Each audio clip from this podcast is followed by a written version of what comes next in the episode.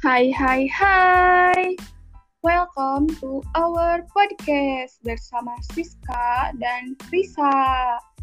Di sini kita akan membahas suatu beban hidup alam yang diproduksi oleh manusia. Apa tuh?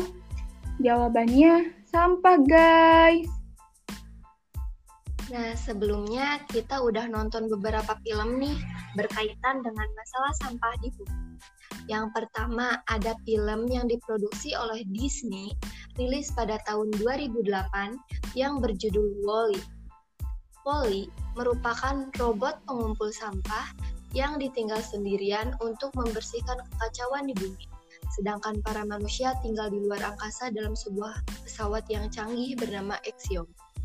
Dalam melakukan kegiatan atau aktivitasnya, manusia dibantu oleh robot-robot canggih Bahkan manusia berjalan menggunakan transportasi yang mengapung dikendalikan oleh sistem komputer. Wah, benar sekali Risa. Apa yang dikatakan Risa mengenai film Wall-E tersebut. Film tersebut menceritakan masa depan. Jadi, tumpukan sampah yang digambarkan dalam film Wall-E tersebut ialah hasil dari beberapa ratus tahun yang lalu dan mirisnya dalam cerita tersebut Sampah yang dihasilkan oleh manusia di luar angkasa dibuang saja, dibuang begitu saja. Manusia yang hidup di luar angkasa tersebut dilayani oleh robot-robot yang cerdas. Apa pun yang mereka inginkan pasti akan terwujud. Kebayang gak sih guys, kita hidup pada zaman di mana teknologi menggantikan kegiatan manusia selayaknya. Bener banget. Dilihat dari film Wall-E, dari penggunaan transportasi yang melayang itu, fungsi kaki dari manusia tidak dapat digunakan karena tidak terbiasa. Mereka menggunakan kursi yang melayang sebagai alat untuk berpindah tempat. Berarti, kemajuan dari teknologi itu menimbulkan dampak positif dan negatif. Nah, yang kedua ada potongan film dokumenter dari Urban Series mengenai nyampah, di mana di dalam video tersebut kita diajak untuk melakukan apa yang biasa kita lakukan, seperti membeli makanan atau minuman. Tahu gak sih, setiap kita membeli makanan atau minuman, sebenarnya kita tuh hanya menambah produksi sampah. Betul tuh, karena dari setiap makanan menghasilkan beberapa sampah berupa plastik yang tidak bisa diurai. Di dalam video tersebut, juga kita diajak untuk melihat TPST Bantar Gebang, yang luasnya 110,3 hektar.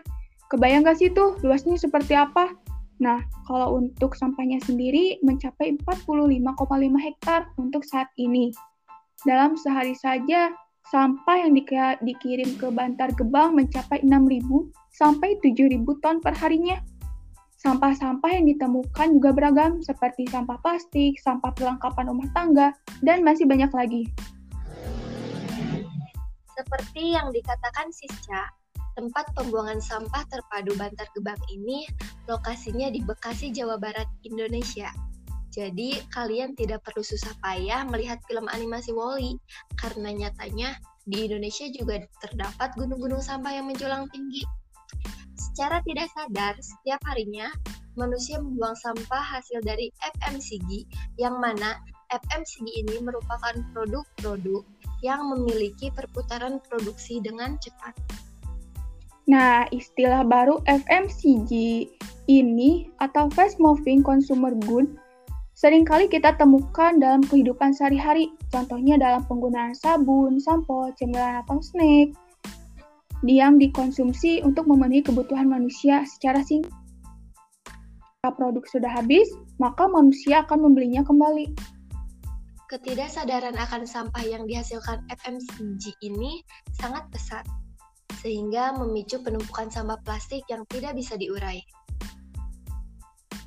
Penggunaan reusable ini dirasa kurang efektif. Misalkan ketika kita membeli sebuah produk kemasan isi ulang, kemudian dipindahkan ke reusable, maka sama-sama saja akan menghasilkan sebuah sampah dari kemasan isi ulang tersebut.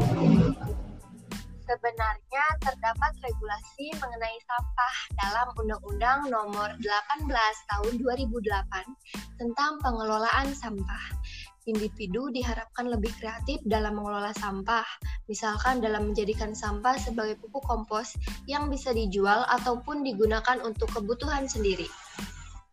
Selain pupuk kompos, sampah juga bisa dijadikan sebagai sesuatu yang bermanfaat dan bernilai tinggi, yaitu dengan cara membuat suatu kerajinan berbahan dasar sampah tersebut Kerajinan itu bisa dipakai, dijadikan pajangan, atau dijual yang bisa menghasilkan uang, bukan?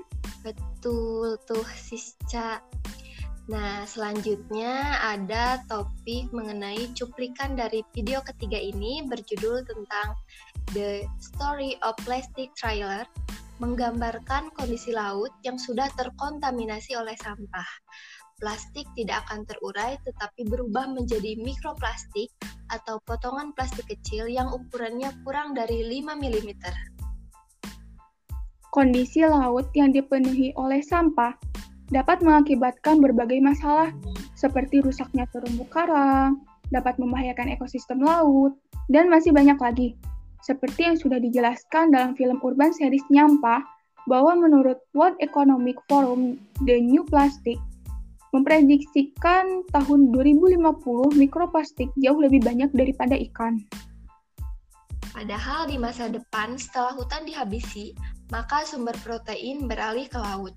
Seperti yang kita ketahui, terjadi eksploitasi hutan secara besar-besaran tanpa adanya tindakan untuk melakukan reboisasi atau penanggulangan terhadap kerusakan hutan yang terjadi.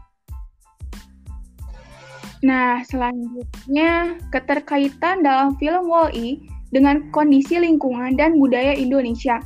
Masyarakat saat ini tidak peduli akan bahayanya sampah yang sudah menumpuk. Mereka membiarkan sampah begitu saja, sama dengan film Wall-E yang membiarkan sampah sehingga mirip seperti gedung pencakar langit.